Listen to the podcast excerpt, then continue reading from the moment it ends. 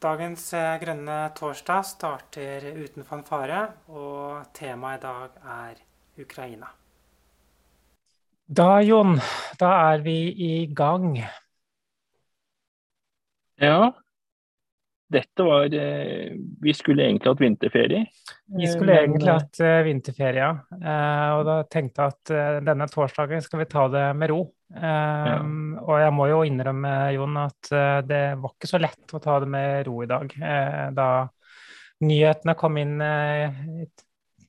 til morgenkaffen, for å si det på den måten. da jeg hadde kaffekoppen min og så på nyhetene og så hva som var i ferd med å skje, og allerede hadde skjedd, så kjente jeg at dette ble ikke noe, noe god dag.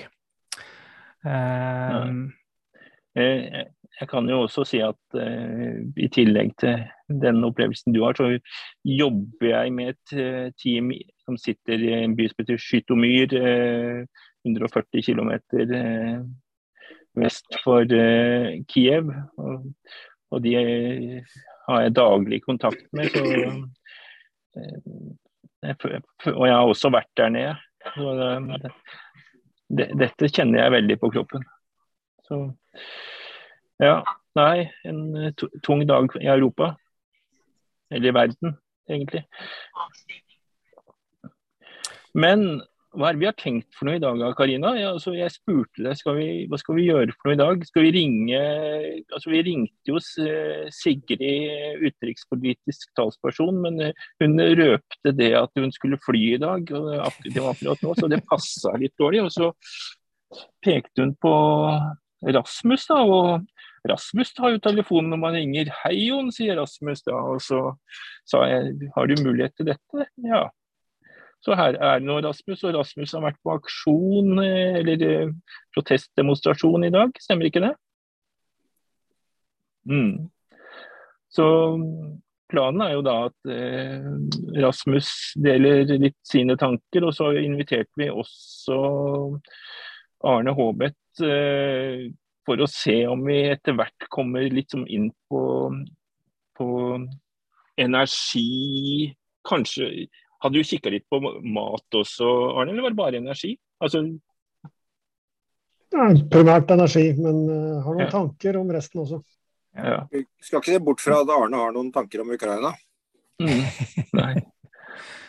Nei, men uh, uh, vil du si noe mer, Karina? Det er Nei, altså jeg tenker at dette er jo ikke en dag for debatt, dette er jo en dag for samtale. Og jeg tenker at vi skal ha med oss det, da. Dette her handler om å snakke mm. sammen og se litt på hvilke perspektiver er det dette fører inn i for oss i den situasjonen vi er i. Eh, altså oss som nasjon, oss som europeere, oss som en del av verden. Um, hva betyr det for politikken vår? Eh, det kan jo også være det får noen konsekvenser der, så det kan være greit å bare begynne å lufte noen tanker rundt det. Det er det som er tanken. Mm. Så, så eh, som de sier i Eurovision, Eurovision take it away, Jon. ja. Men da kan vi vel la Rasmus snakke litt. Eh, du har vel sikkert kanskje holdt en appell i dag også? Er du klar for det, Rasmus? Eh, ja, ja, altså, ja jeg har holdt en appell. Og um Eh, uh, dette er ikke dette er ikke kjekke Rasmus som kan og vet alt om energipolitikk og ulver og sånn. Altså et, ettersom, ettersom det som skjer, synker inn, så, så er dette en en virkelig vanskelig, vanskelig dag som drøyer. Mm. Um, min bakgrunn er um, foreldre fordi jeg er så gammel. Foreldre som Mora mi måtte løpe gjennom skogen til Sverige for, at, uh, for å unngå at faren hennes og familien skulle bli tatt av tyskerne. Fattern ble tatt av tyskerne og var fire år i konsentrasjonsleir. Uh, så det er, som, det er min bakgrunn.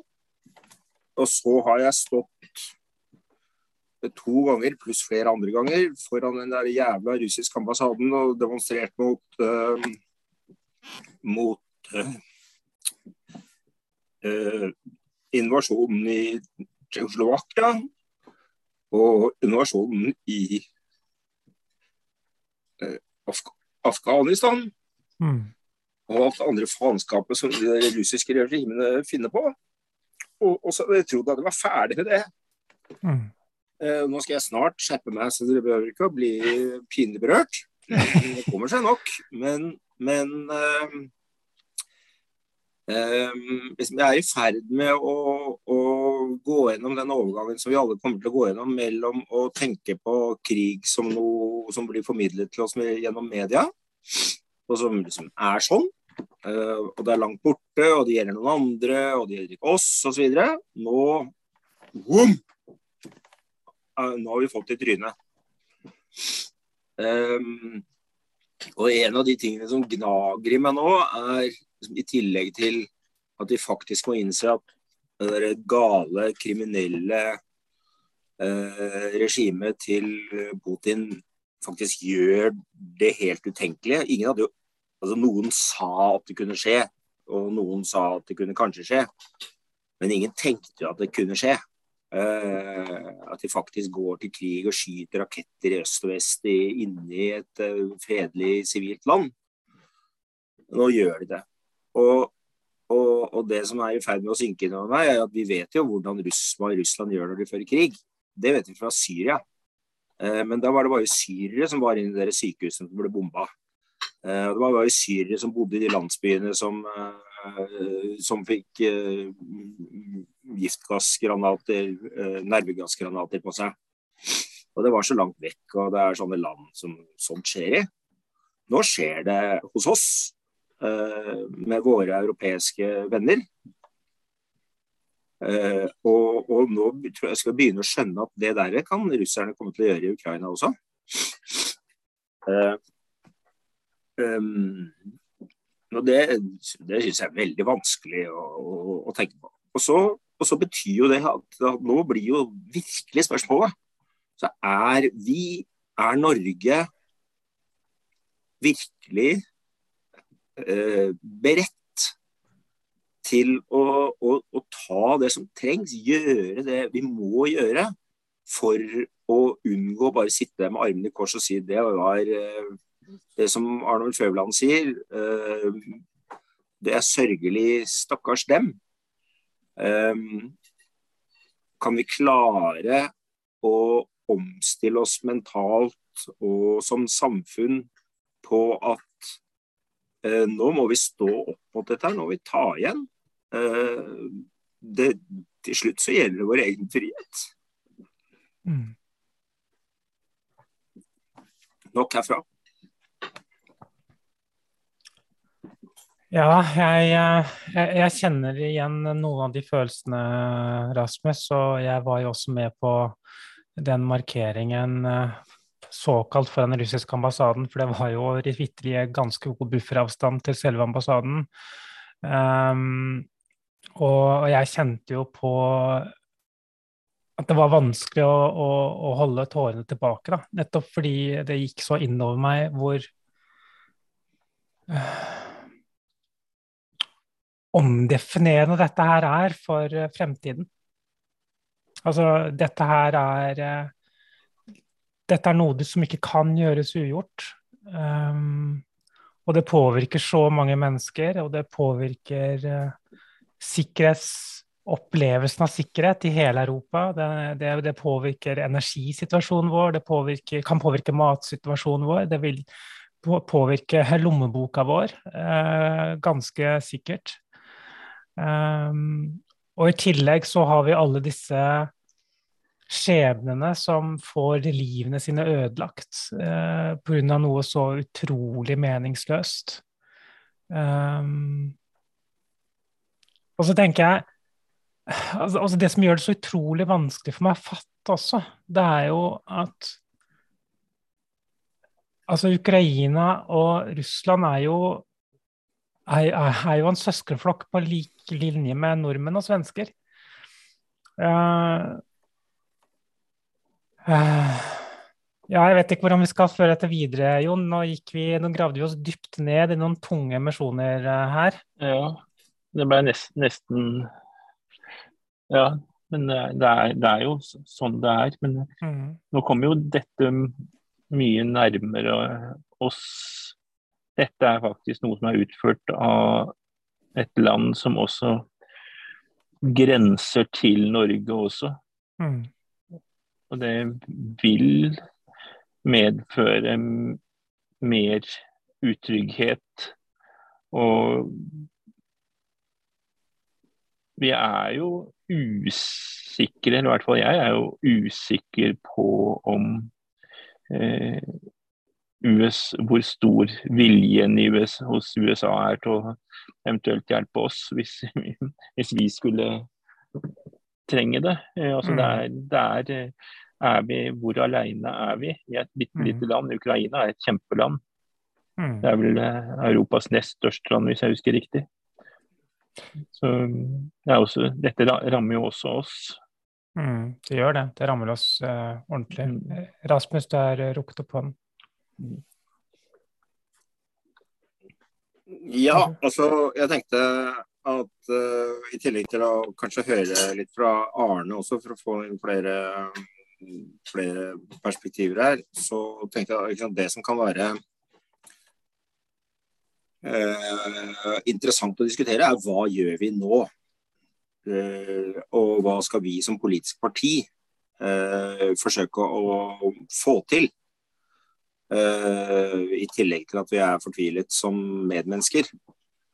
Eh, så er det jo akkurat vår jobb fordi vi er noe spesielt, nemlig en bøling med folk som har til hensikt å påvirke norsk politikk til å gjøre konkrete ting.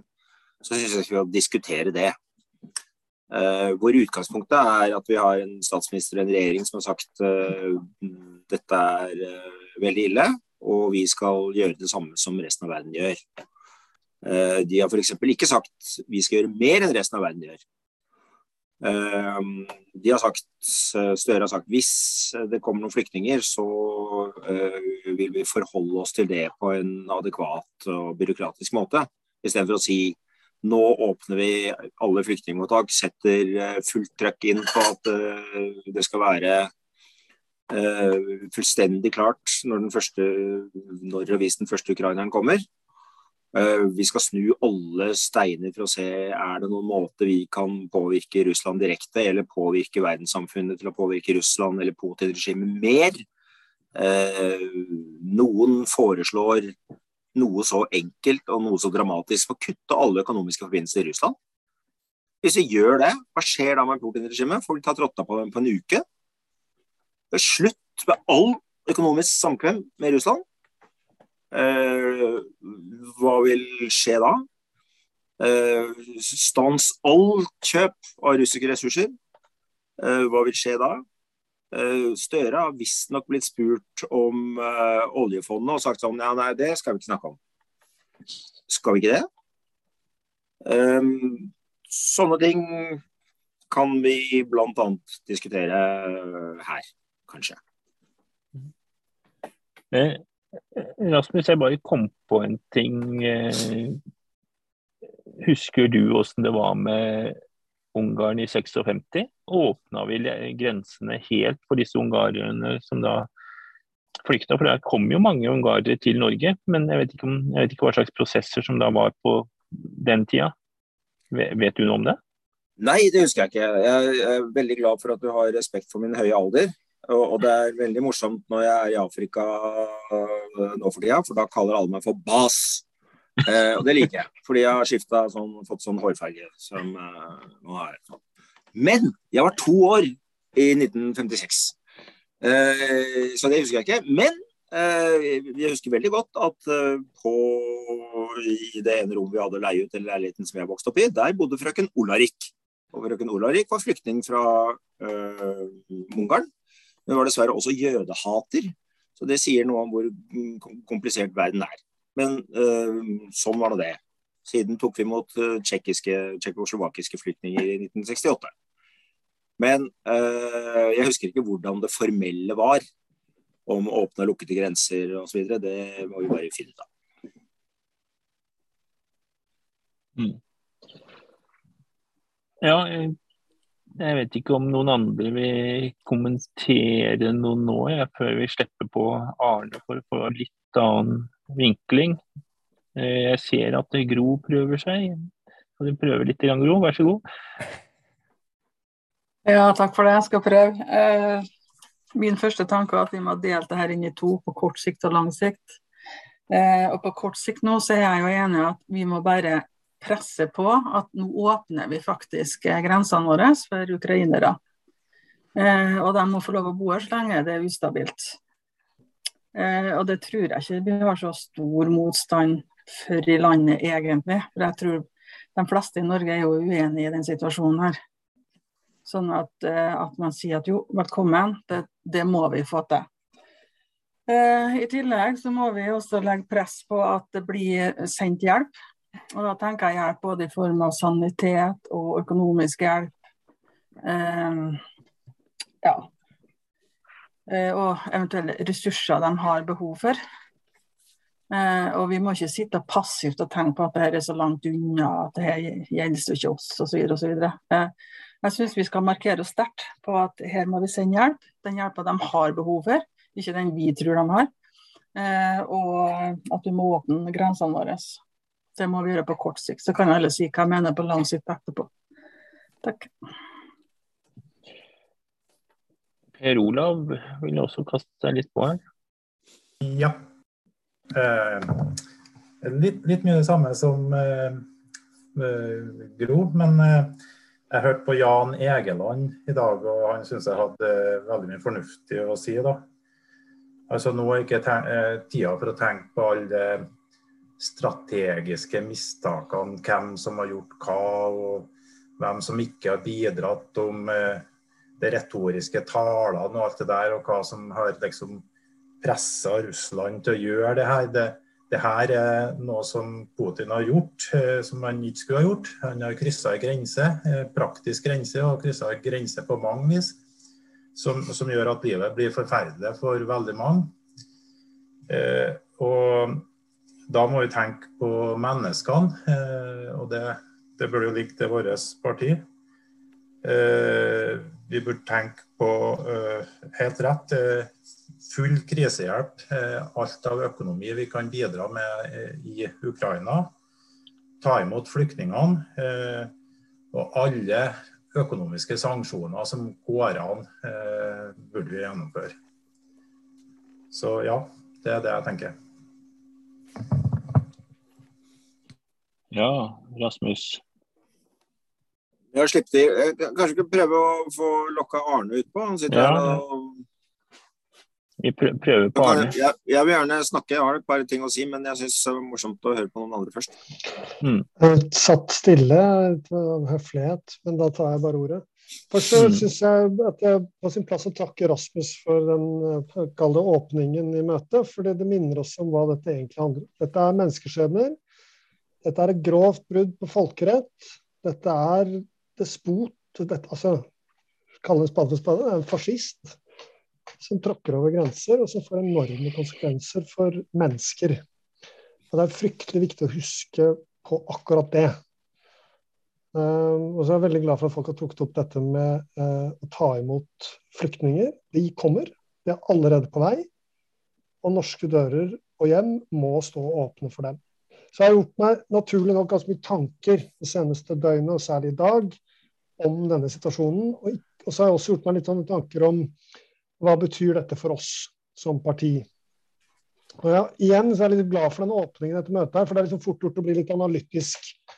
Litt sånn på en måte på avstand og se det med et litt sånn på en måte Kall det et kaldt eller kynisk analytisk blikk. Men nummer én, altså det er mulig det lukter litt av etterpåklokskap, men altså, vi vet at Putins prosjekt er et fascistoid, for å si det pent, prosjekt. Han er i tospann med liksom, det verste grumset vi har i den vestlige verden, av både ytterste venstre og høyrefløy, særlig høyrefløy. Han er en ultranasjonalist og en diktator. altså jeg ser på hans politiske karriere. Han har i tillegg altså, bakgrunn fra KGB ganske høyt oppe under sovjetperioden. Og vi vet også bruke det litt slitte, gamle slitte begrepet femtekolonister. Vi har en haug med femtekolonister i den vestlige verden. Det er liksom vanskelig å snakke om, men vi vet det er mange som løper på en måte Putin og Storrusslands ærend. Det er den ene siden. Det er forferdelig vanskelig å se på. Man føler seg litt, sånn litt maktesløs overfor det. Og det andre er den energipolitiske situasjonen vi er i. Altså bare for å ta noen fakta. Russland fòrer ca. 40% av gassen til Europa. Europa bruker ganske mye gass fortsatt, selv om de har planer om å fase den. 40 Noen og 20 kommer fra Norge, resten kommer primært fra Algerie.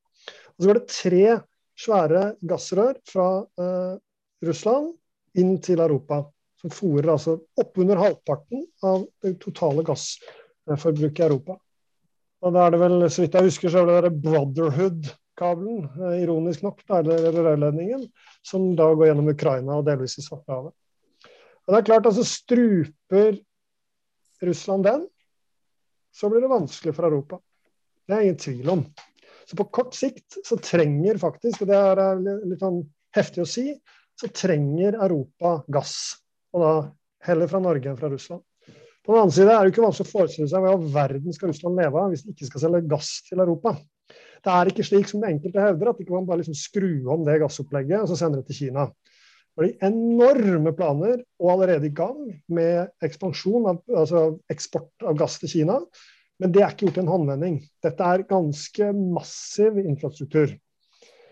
Og når jeg la merke til en tweet fra intet mindre enn Dmitrij Medvejev for et par dager siden, to dager siden var det som kritiserte Tyskland for å legge denne nye gasskabel- eller gassrørledningens eh, planer på is. Sa liksom lykke til, Europa. Uh, lykke til med å betale 2000 euro for en, uh, for en kubikk med gass. Det er jo ingen tvil om at, hvis, altså, altså at Russland har planer om å i hvert fall true med det. Det kommer på kort sikt å ha veldig stor effekt for, uh, for Europas energiforbruk. Men så tenkte jeg litt i dag, hva gjør det med oss som parti? For meg så er det en del ting som da dukker opp i pannebrasken som er veldig viktig. Og Det ene er aldri vært mer tydelig for meg at den fossile verdikjede er noe vi må ut av. Europa betaler altså i bøttelass av penger inn til et fascistoid diktatur i øst. Det er det de lever av. Det er også en av Europas aller største kilder til olje. 25% av hele Europas oljeforbruk kommer fra Russland. Så dette lever de av. Det er, liksom grunninntekten til dette landet. Det er helt vilt å tenke på. Så vår, vår liksom maksime, da, som vi alltid gjentar, og som vi alltid liksom får slengt i fleisen om at vi vil stenge ned den krana i morgen, det ville vært ganske katastrofalt i dag. Men det er jo ikke det vi vil. Vi vil jo fase det ut. Og jeg er helt sikker på at det som skjer nå, kommer til å fremskynde den prosessen i Europa. Det er jo ikke bare fornybarpolitikk og klimapolitikk som er grunnen til at Europa ønsker å frigjøre seg fra de fossile verdikjedene. Det er også sikkerhetspolitikk. Det har vært helt oppe i dagen så lenge jeg har hatt en befatning med energi, altså siden 2008 eller hva det var for noe. Så har det ligget der hele tiden som det andre som vi kanskje snakker mindre om, men som er fryktelig viktig for Europa, og dermed også for Norge. Så er det da det moralske dilemmaet vi nå kommer i. Oljen har allerede passert 100 dollar. Gassprisen er jo da godt over 100 dollar på kubikken. Det er ganske mye penger inn i Norge. Og Primært går det inn altså i Norges, er i verdens, et av verdens største såkalt sovereign funds, altså pensjonskassen vår. Og Det er litt av en situasjon å være i. ikke sant? Så litt tilbake, for å lage en slags bue her, da, så, så, kan man jo nesten, eller ganske krystallklart, men jeg innvender at vi har et ekstra moralsk ansvar for å bistå, i hvert fall humanitært og flyktningmessig. Helt sikkert. Og så er det det sikkerhetspolitiske her. da. Vi er et parti som er for Nato-medlemskap. Vi er på en måte vi er motvillige kan man kanskje si, for Nato-medlemskap. Vi ser at det er det beste som finnes. Vi er for det. Vi ønsker kanskje at Nato skulle vært annerledes. Det er masse ting man kan kritisere Nato for. Men jeg har aldri følt Akkurat i disse dager så føler jeg meg ganske sånn Jeg står ganske trygt i det standpunktet i partiprogrammet vårt. Jeg føler det er veldig bra nå. Vi, vi, har en grense til et land som demonstrativt er på krigstid. Og husk på én ting. Når land går til krig, så viser all historie følgende at hvis de sier Landet selv sier at du skal bare hit, vi skal bare gjøre dette. Alle, alle militære analytikere sier det er, det er der de fokuserer, de skal til Ukraina, det er det de holder på med. Vi vet ikke hva som skjer i krig. Krig er per definisjon kaos. Hva som helst kan skje. Jeg skal ikke krisemaksimere, men dette må vi ha i mente. Jeg er også veldig glad for at vi som parti, om vi ikke er pro EU, så er vi i hvert fall veldig veldig tilhengere av et sterkt europeisk samarbeid. Det er viktigere nå, eller det er ikke viktigere nå enn noen gang, men det fremstår tydeligere for meg som viktig enn på veldig lenge. Også bare for å ta det tilbake igjen til energi. Det ville vært ganske spesielt.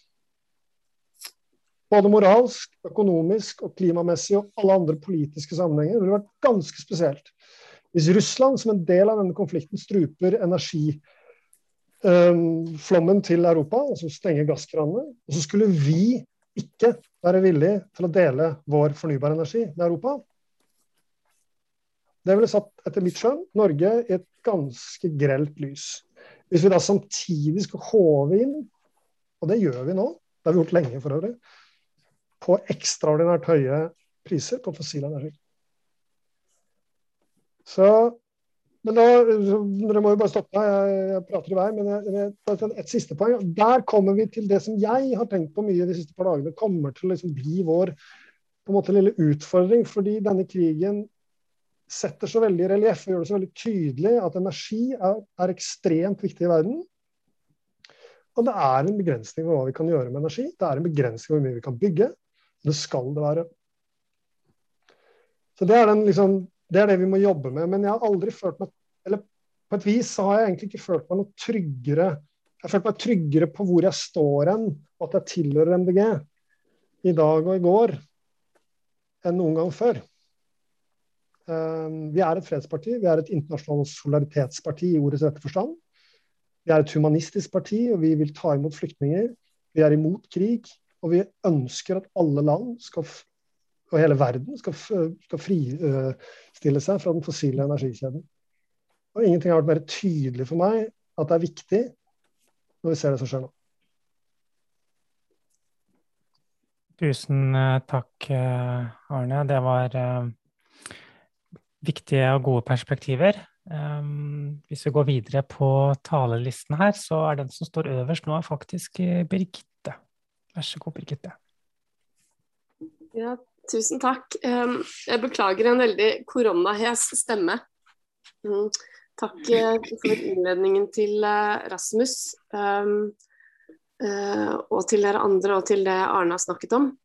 For meg så virker altså Det er spesielt å sitte koronaisolert på en liten hytte øverst i Uvdal, og så skjer dette. Og så skal jeg ikke treffe folk. Så jeg har liksom bare skjermen og telefonen. Um, og jeg kan lite, og det har jeg vært ærlig på i mange år. Jeg kan lite om forsvarspolitikk, jeg kan altfor lite om utenrikspolitikk. Jeg har vært opptatt med å lede Viken, og så har jeg vært opptatt av helsepolitikk. Men så er jeg også veldig opptatt av matforsyning og matsikkerhet. Og det som bekymrer meg veldig nå, det er at vi, vi har hatt en regjering, og jeg tror vi fremdeles har en regjering som tenker at Norge kan kjøpe seg ut av alle mulige kriser. Det så vi jo under koronapandemien. Vi trodde at vi skulle kjøpe oss ut av manglende beredskap og smittevernutstyr. Um, og tidlig, før det virkelig slo til med koronakrise i 2020, så skrev Øyvind Solum og jeg om norsk matsikkerhet. Og da stilte vi to spørsmål, eller egentlig stilte vi tre, men jeg var for feig til det tredje, så det strøk jeg. Men de to spørsmålene vi stilte, det var hva hvis vi får en ny tørkesommer som i 2018? Og hva hvis de landene vi importerer mat fra, fordi vi importerer jo korn, ikke sant. Hva hvis de blir rammet av tørke, flom og branner? Og så hadde jeg et punkt til, men jeg tenkte at det kan jeg ikke skrive som MDG-er, for da blir jeg kalt sånn dommedagsprofet. Det var hva hvis de blir rammet av en forsyningskrise grunnet pandemi og kriger. Så sa jeg til Øyvind at det kan vi ikke ta med, da tror folk at vi er spikspanna gærne. Så var det bare tolv dager senere da at Norge stengte ned pga. pandemi. Eh, men det som jeg syns er um, veldig spesielt, og det har jeg lært mye om de siste dagene, det er at Ukraina har altså 25% av verdens svartjord. Det er altså én meter dyp, humusrik, noe av den mest næringsrike matjorden som fins. De står for enormt mye korn, eh, kornproduksjon, alle typer. Eh, og også bieproduksjon, faktisk. Som er viktige pollinatorer som eksporteres for at folk skal ha insekter for avlinger. Og vi vet jo allerede at natur- og klimakrisen har ført til en begynnende matkrise. Ikke bare i eh, deler av Europa, men også andre steder i verden. Og vi har jo en annen stormakt som har kara til seg 70% av verdens kornlagre.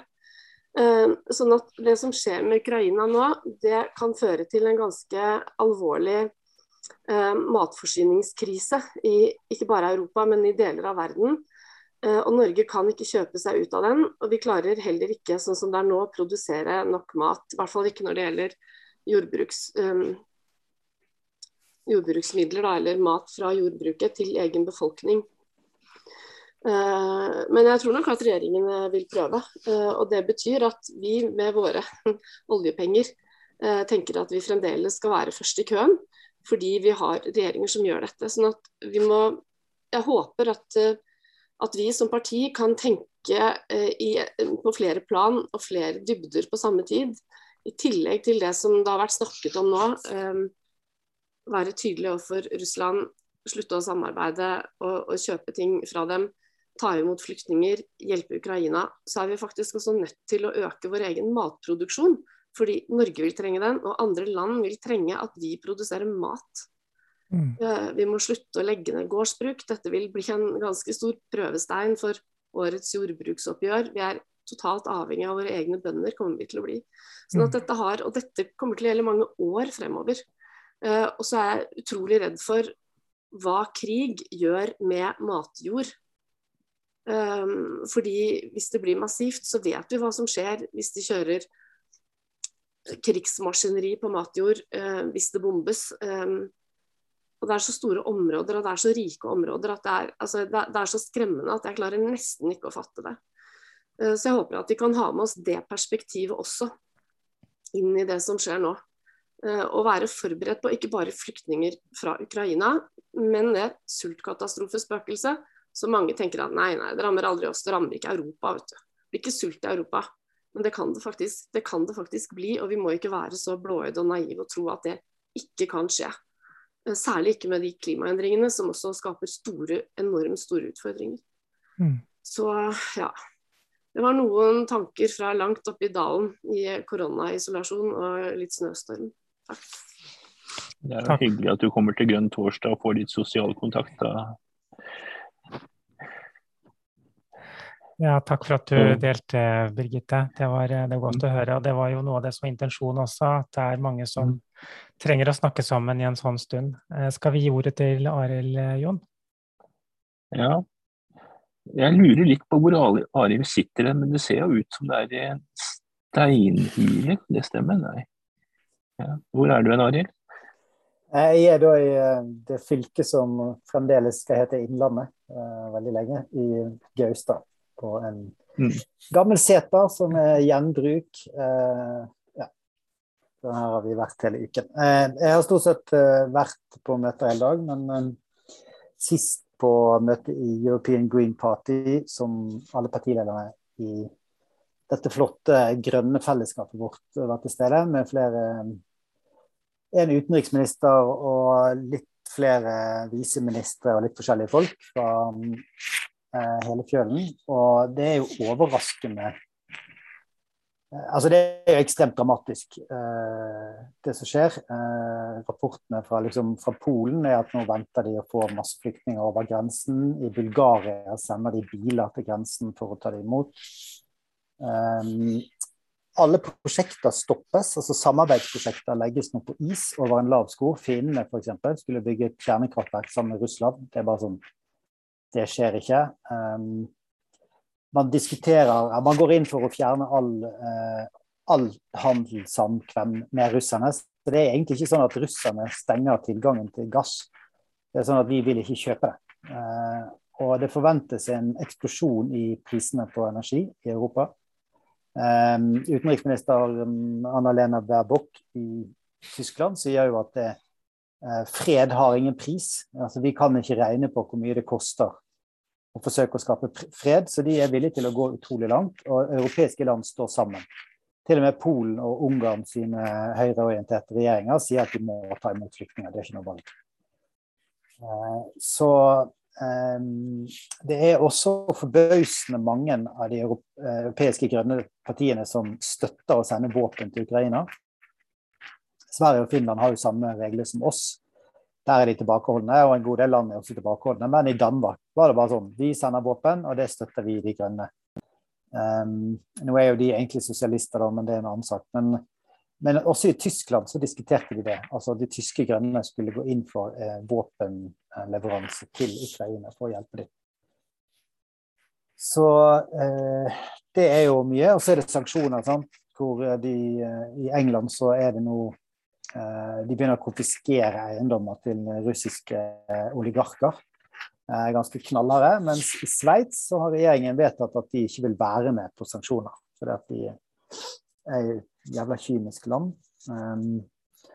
Men alle, si, alle, steder så er jo de grønne på den gode siden. Og den gode historien er at man står veldig sammen i Europa om den politikken som nå er. Ja, jeg tror dette med medisinsk støtte skal man heller ikke undervurdere. Det fløy et tall gjennom luften om at uh, en rapport nå viste at syv millioner mennesker kan havne på flukt. 1,8 millioner kan miste hjemmene sine. Uh, det er litt noen sånne krigsscenarioer som er ganske ille. Uh, men det er, det er viktig. Og så er det jo en ting som er viktig for oss, er jo at de er veldig opptatt av å diversifisere energiporteføljene sine, og sier at climate protection er det samme som self-sufficiency, eller det å bygge eh, egne energikilder er utrolig viktig for Europa. Det kommer til å bli en boost på det, men det koster jo også penger. Så det er jo veldig mye penger som kommer til å gå i den retningen. Eh, og det er en fare for at europeiske folk kommer til å eh, ikke takle det at de må betale så mye for gass og annen energi. Altså det, det, vi har her hjemme med strømkrise, det er liksom ingenting i forhold til det de opplever i Europa. Eh, og Da kan man også miste mye av denne på en måte, støtten til både sanksjoner mot Russland og for så vidt til grønn omstilling og alt sammen. Og, det, og, og, I en del av disse landene så får de grønne skylda for at eh, prisen på energi er høy. Eh, og det er noe som de også må være veldig forsiktige med hvordan de kommuniserer rundt. det. Så det var jo noen av de tingene der. Men det, det, de er ganske radikale, og de er ganske opprørte. Og dette er en, en veldig stor krise for mange land i, eh, i hele regionen. Eh, det er jo ja, det var jo folk fra alle, si, både baltiske land og fra Polen og Bulgaria, de som er ganske utsatte for, eh, for det som skjer. I, I, Bulgaria er de redd f.eks. for, for um, radioaktiv uh, radioaktivitet, fordi at de er redd for at russerne skal gyve løs på kjernekraftverkene. som da kan, eh, og I Tsjernobyl skjer det jo nå krigshandlinger som eh, kan gjøre at man på ny får en sånn kjernekraftkatastrofe, kjernekraft eh, så Det er sånt som de er bekymret for. Så, og De føler at dette er et angrep på demokratiet, det er et angrep på Ukraina, selvfølgelig, men også et angrep på hele EU og hele den måten, hele den friheten som vi kjemper for. Så det er det som egentlig står på spill i den konflikten vi har nå. Til slutt bare si at vi, EGP lager en statement, en joint statement som vi sikkert slutter oss til i løpet av kvelden, som kommer i morgen. Og sentralstyret har nettopp vedtatt en resolusjon som kommer ut på våre hjemmesider. Eh, der er det mye bra, men det, kanskje det mest radikale er at vi vil sette av alle de ekstra midlene vi tjener på gass i denne situasjonen, til humanitær hjelp til Ukraina og til å hjelpe land som rammes av høye eh, ja, Hjelpe også land som rammes på andre måter av krigen. Så at vi skal ikke profitere på eh, det som nå skjer. Så Det var vel kort sagt det hadde i hodet mitt akkurat nå. Takk for oppmerksomheten. Takk, Arild, med litt rapport fra European Greens og diverse. Anne Hilde, da har vi kommet til deg. Tusen takk. Det er jo liksom å snakke etter, som å hoppe etter Virkola, for det er så mange som kan så mye her. Da, men, og jeg er ikke sånn ekspert på utenrikspolitikk. Men uh, likevel så er det jo fint for vanlige medlemmer som har bare sittet og stemt over eller mot Viken-oppdeling i fylkestinget, og få lov å si litt, noe om noen større ting også. Og det som jeg syns kanskje her er at eh, at Norge er veldig treige. Vi har hatt liksom hele dagen på oss å komme med noe konkret, og så er det bare sånn hvor, at vi syns så synd på Ukraina. Og det, det, er kjempebra at alle sier det, og det skulle bare mangle. Altså det, det, må man jo si umiddelbart, og det er jo helt forferdelig. Men um, vi har ikke klart liksom å være først med hva vi vil gjøre, og sagt liksom tydelig ut hva vi vil. Uh, da tenker jeg Norge sånn statsministeren osv. Så, uh, så der har jo vi en sjanse til å nå være litt tydelige og kanskje komme med litt uh, forslag um, før uh, Støre, som pleier å være veldig ullen, kommer med noe veldig bra. da. Så, så der syns jeg vi kan Eh, nå har det vært sagt mange bra ting, ikke sant. Som, som dette med, med, hva vi tjener på gass. At vi kan bruke det på humanitær hjelp. At vi setter opp sånne klare kulepunkter og får den informasjonen ut av hva de grønne vil. Men jeg syns også egentlig ikke vi skal være så opptatt av hva vi vil selv, men vi skal spørre Ukraina hva er det dere trenger. Og hvis Ukraina sier de trenger eh, medisiner, så skal vi gi medisiner. Hvis de sier de trenger mat, så skal vi gi mat. Og hvis de sier de trenger våpen, skal vi gi våpen. Altså, jeg syns ikke vi skal sitte her og lure på hva vi har lyst til å mene. Jeg syns vi skal spørre Ukraina hva vil dere ha, og så bare gir vi, vi bare gir dem akkurat det de vil ha. Det, det er liksom kanskje Det syns jeg kanskje hadde vært bra nå, da. Eh, og så er jeg helt enig i at vi skal på sikt eh, kjøre på viktigheten av lokalprodusert eh, energi. Um, men at det er litt skummelt å komme med det akkurat nå, for vi kan bli liksom beskyldt for å profitere på situasjonen. Ikke sant? At eh, vi fremmer mm, eh, litt sånne ja, dette har vi sagt lenge, eller eh, ikke sant, vi mener eh, at dette er fornuftig med fornybar energi og at det vil løse det på sikt og sånn. Vi må i hvert fall passe på eh, at vi ikke på en måte eh, blir, blir, liksom i et sånn lys at vi prøver å profitere på situasjonen, da. Eh, for det hadde vært helt, helt forferdelig. Men ellers så syns jeg vi skal presse mye mer på med det oljefondet. Det var så flaut å høre på han Tangen i dag at det var helt sånn jeg satt liksom eh, Altså til og med når de liksom spurte han rett ut om de tingene som er på en måte Putin sin um, gullgruve uh, selskaper, uh, så var han helt sånn uvillig til å snakke om å trekke norske oljefondet ut av de selskapene. Og ikke noe kom fra Støre heller. Så da, jeg syns vi må være supertydelige, og nå har vi mulighet til å være først hvis bare ledelsen i MDG samler seg og bare kjører på med konkrete ting. Altså Storbritannia var jo ute kjempetidlig og sa bare at russiske flyselskaper får ikke lande. Ikke sant? Altså sånn veldig tydelige, enkle ting som Russland forstår. For Putin forstår sånt. Takk. Tusen eh, takk, eh, Anne Hilde. Um, og du satt jo egentlig, jeg vet ikke om du var bevisst, men du satte egentlig veldig sterke ord på det. For når vi som grønne sier 'vil de ha våpen, så send de våpen', det sier litt om hvor mye dette her faktisk påvirker oss. Det er, eh, det er veldig dypt. Tusen takk. Eh, Gro? Ja. Eh, nå ble egentlig poenget mitt tatt, eh, eller ikke tatt, da, men nevnt både av Anne og Arild her. Eh, jeg tenker det vi som parti også må komme med nå, det er et forslag som sier at den fortjenesten vi har eh, over budsjettert olje- og gasspris, den må vi bruke i den krisa her. Og da tenker jeg vi må dele det opp i tre. Det ene er at vi må bruke det til omstilling, energiomstilling. Både til forskning og utbygging. Nummer to, vi må bruke det til selvforsyning, som Birgitte snakka om. Og da tenker jeg både matproduksjon, men også medisin. Altså vi må lage vår egen medisin. Eh, og det siste er jo selvfølgelig da at vi må også bruke noen av de pengene til direktehjelp. Eh, det syns jeg vi bare skulle ta et ekstraordinært landsstyremøte, da. Og så bare blir vi enige om det, og så kjører vi på. Takk. Ja. Skal vi slippe på Rasmus, da? Ja, jeg tenker det kan være greit. Ja, vær så god, Rasmus. ok, takk. Nå ser vi jo at uh, uh, Kina vil ikke engang kalle dette for en invasjon. Uh, de mer eller mindre støtter Russland. De har jo sine planer med Taiwan, så de vil jo gjerne etablere en en uh, slags internasjonal sedvane for hva man gjør med land man har til å overta i sitt nærområde. Men det betyr at det blir liksom enda tydeligere at man må velge side.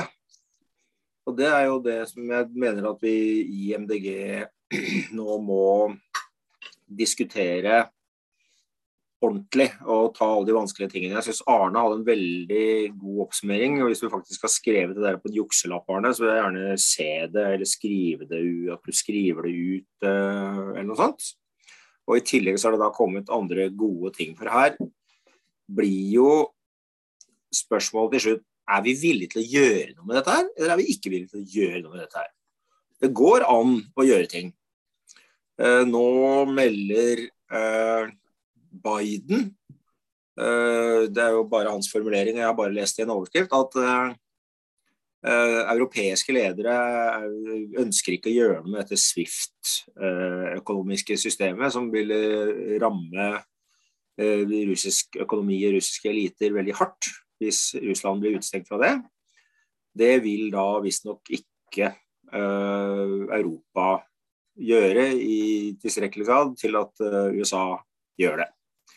Og så er det Sveits uh, og osv. Og, og så på den andre siden så har vi da grønne partier, sikkert mange andre partier også, men grønne partier som tydeligvis reagerer med hjertet og magen og ryggmargen og det man skal reagere med når ting virkelig er viktig, uh, og tar de riktige standpunktene. Og det er jo vår jobb også. sånn at uh, når altså Hvis det da er sånn at Eh, vi f.eks.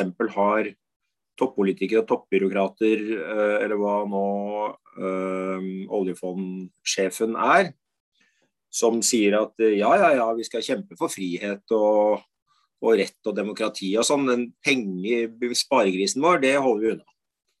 Den skal vi ikke snakke om. Så er det for meg et tema som det er viktig for MDG å kjøre på. Er det, altså, er, det, er, det liksom, er det, virkelig sant at oljefondet skal beholde alle sine lukrative investeringer i Russland? Uh, selv om vi syns det er trist og leit at uh, ukrainske sivilbefolkningen blir meid ned av russiske tanks. Er, altså, er det sånn? Uh,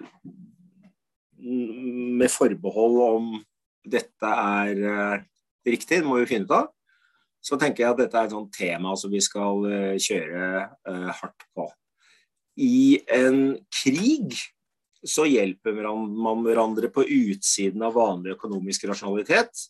Burde Norge sørge for at uh, Europa får såpass rimelig gass at vanlige innbyggere på kontinentet ikke forgår av, av strøm- og energipriser?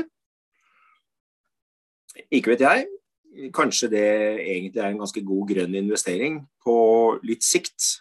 Å klare å vinne den kampen uh, istedenfor å uh, bruke alle kreftene på å fylle opp oljefondet og kutte klimagassutslipp på kort sikt. Og det det koker det til, er vi i MDG har jo vært veldig tilbakeholdne med å bruke krigsmetaforen i miljøkampen. Det har vi alle sammen sittet med følelsen av at det er jo det vi egentlig står overfor. Altså, I krig så er man plutselig villig til å sette en masse sånn vanlig rasjonalitet til side og gjøre ting som trengs for å vinne krigen. Hvorfor gjør vi ikke det i miljøkampen? Uh, det har vi ikke turt å si.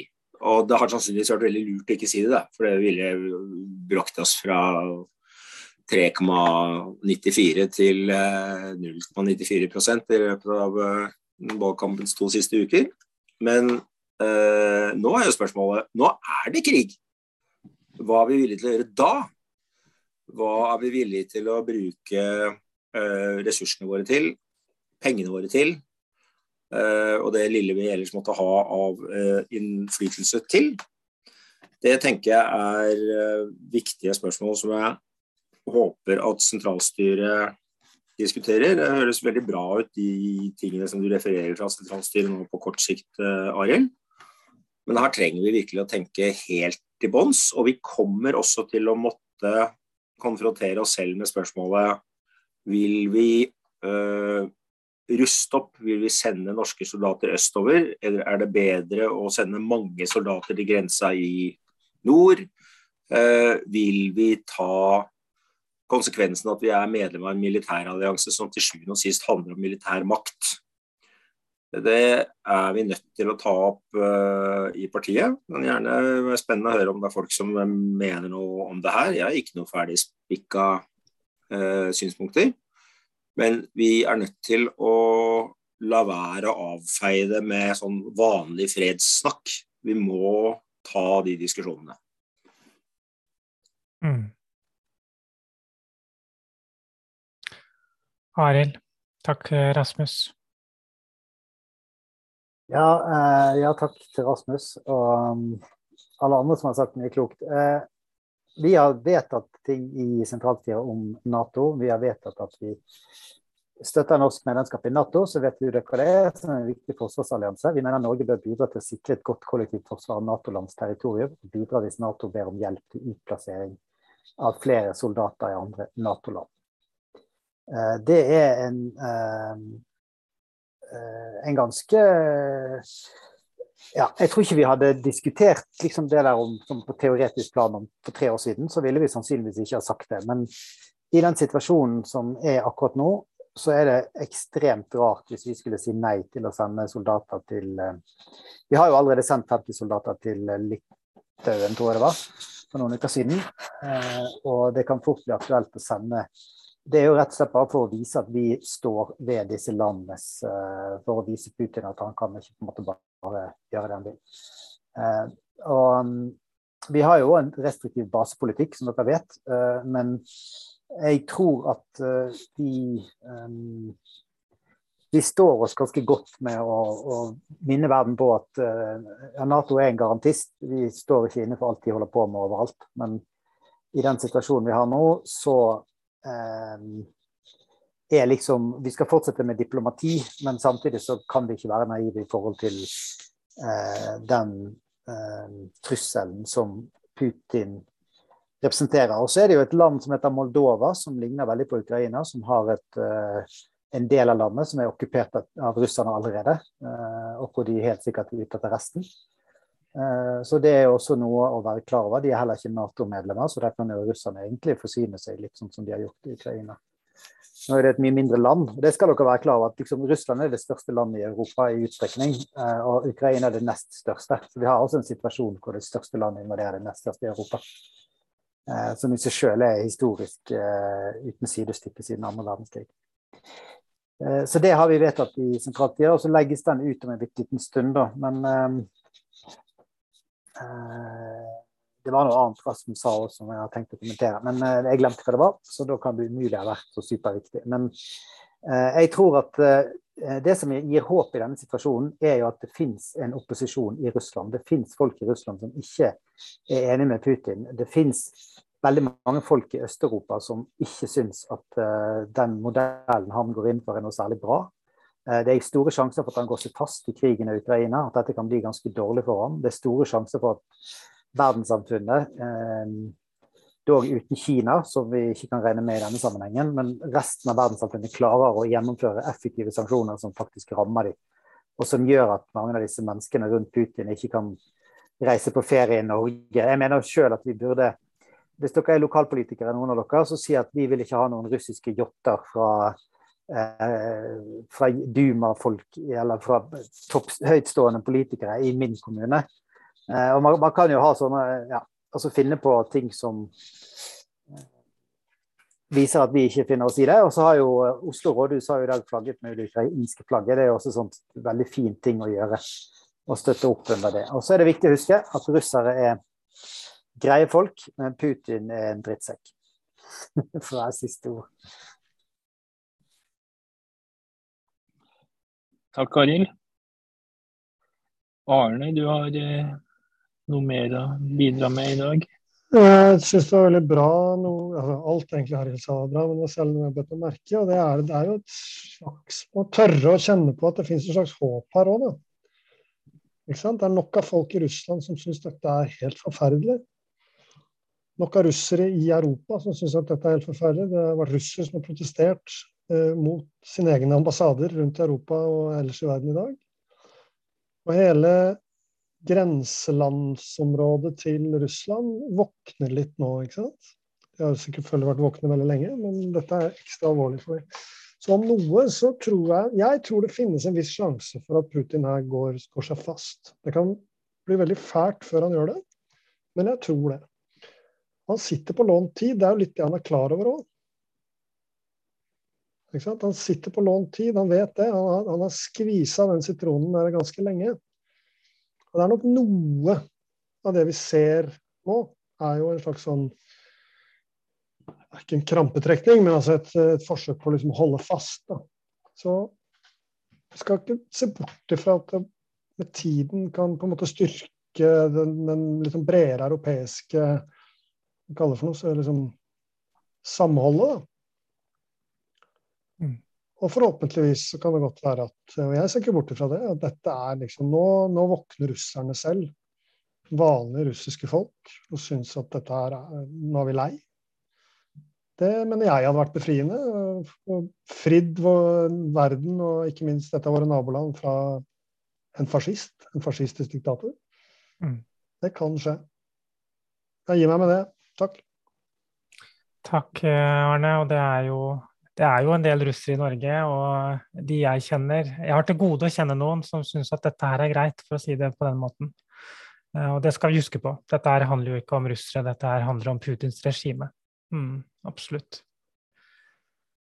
Ja, Jon, hva tenker Timen du? Timen har gått. Timen har gått. Ja. Og det var eh,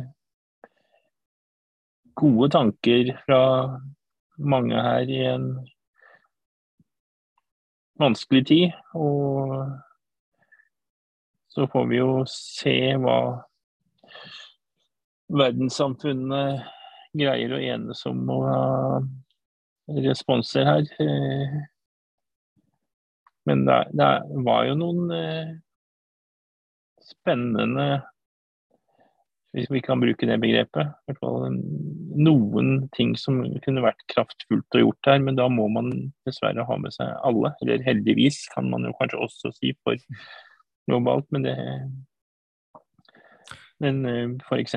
oljefondet kunne gjort noe med. Nå ser jeg at eh, Rasmus hadde lyst til å gripe inn før vi hadde tenkt å slutte, så da får han vel få muligheten. Han er jo tross alt en av våre tre fantastiske stortingsrepresentanter. Så Rasmus, vær så god. Vær så, vær så god. Takk, i hvert fall stortingsrepresentanter. Uh, men uh, jeg vil gjerne understreke det som uh, Jeg tror det var Arne nå som sa det. gjør noe sjøl. Altså, nå er vi alle helt numne vi står overfor noe, noe, som vi ikke er uh, ikke er mentalt eller på andre måter i stand til å ta inn over oss, i hvert fall være sikre på hva vi gjør med. Uh, men da er initiativ helt avgjørende. Og det går jo helt til topps. Altså, regjeringen er jo også nummen. Foreløpig har jo ikke noen fra regjeringen sagt noe som helst som definerer Norge tydelig i denne situasjonen. Vi har bare sagt sånn ja, vi er med alle andre. Eh, og veldig typisk norsk sitte i baksetet og håpe at det ikke treffer oss-holdning. Eh, I den situasjonen er jo initiativ helt avgjørende. Så, mm. og lokalt initiativ er helt avgjørende. Gjør det. Uh, som er å si vi vil ikke ha russiske oligarker i jotter som uh, fjotter omkring i, i, uh, i, i, fjorden vår. Mjøsa. Vi vil ikke i Mjøsa. ja. Ærlig i Mjøsa, kanskje.